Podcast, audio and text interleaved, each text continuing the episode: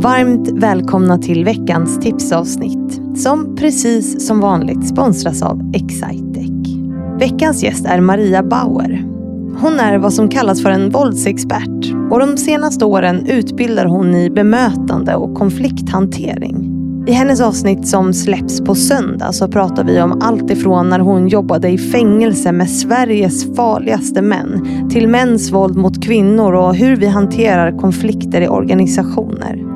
För våld och konflikter, ja det kan ju se olika ut beroende på den kontext vi befinner oss i.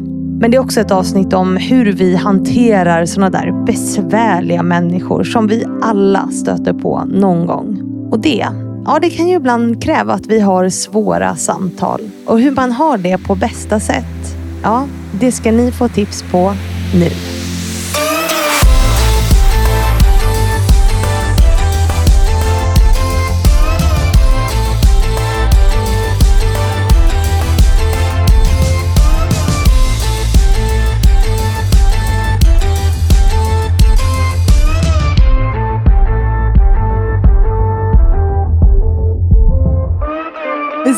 Varmt välkommen till Maria Bauer. Tack så mycket. Jättekul att ha dig här.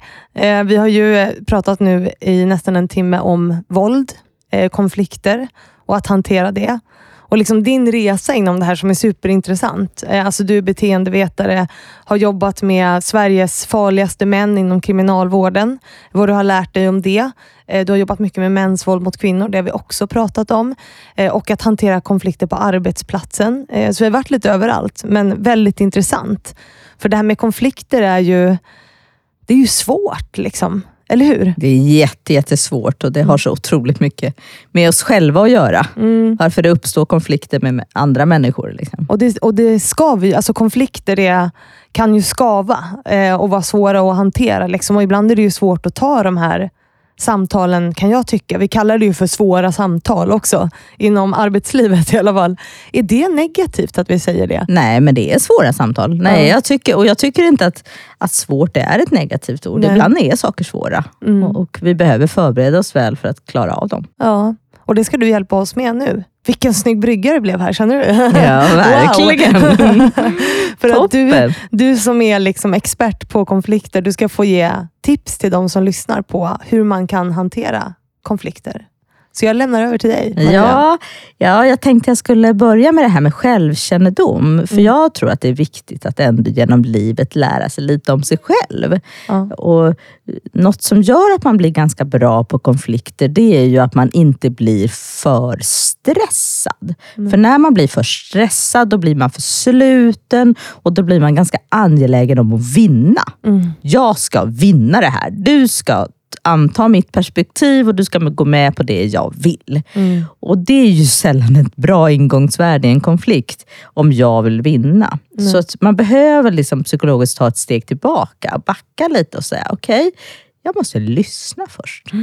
Och är jag inte så bra på att lyssna så får jag öva mig på det. Då får jag liksom räkna baklänges inuti och vara tyst. Mm. Så att jag lyssnar. Jag behöver som inte prata först. Utan om jag lyssnar först och verkligen lyssnar så kanske jag också hittar saker som vi kan komma överens om. Mm. Och det är ju också en bra väg i en konflikt. Det är ju att också ge någonting. Okej, du vill det här och det här och det här. Ja, men jag kan ge dig det här.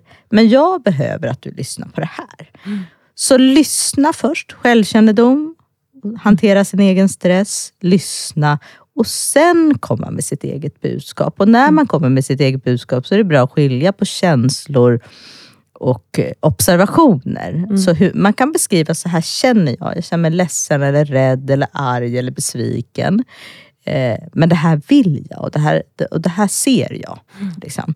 Så att man inte, inte blandar ihop de där två sakerna. För då, då blir det också så svårt för personen att, att ta emot det. Om den, sådär. Så vi får ta ansvar för våra egna känslor. tycker jag är jätteviktigt. Var det tre tips? Det Det var var- lyssna, självkännedom och sen ge sitt eget Ja. perspektiv. Det tänkte jag. Jag bara rappade ihop här lite grann. Eh, det låter som ett kapitel ur min bok förresten. Men, men, och gud, jag slänger alltid in marknadsföring för min nya bok i den, här, eh, i den här podden. Men det är bra, för alla kommer vilja köpa den sen. Absolut. Men du är här som förebild idag. Eh, och Då brukar man också, innan man stänger av mikrofonen här, brukar man få säga om man själv har några förebilder. Har du det? Ja, jag har så många förebilder. Jag har så otroligt många förebilder. Men alltså jag skulle säga att en av de personerna som i de senare åren har berört mig allra, allra mest är nobelpristagaren Dennis Mukwege, Dr. Dennis Mukwege. Mm. Därför att han har sett det värsta som finns att se. Han har Mm. sett sönderskjutna och sönderslitna underliv på kvinnor. Mm. Hur många som helst. Han har sett så mycket våld och övergrepp. Och trots det så är det en så kärleksfull och fridfull man. Mm. Och för mig är det så viktigt att vi som företräder frågor om konflikt och säkerhet och våld Mm. fortfarande har frid i vårt budskap. Mm. Så han är en förebild för mig. Fint. Men du, då säger vi tusen tack för att du har varit här och så säger vi till de som lyssnar nu att de ska lyssna på söndag helt enkelt. Så, tack för att du kom Maria. Tack själv! Och tusen tack till alla er som lyssnat på veckans tipsavsnitt. Jag hoppas att ni får en fortsatt bra vecka och sen så hörs vi ju på söndag igen, precis som vanligt.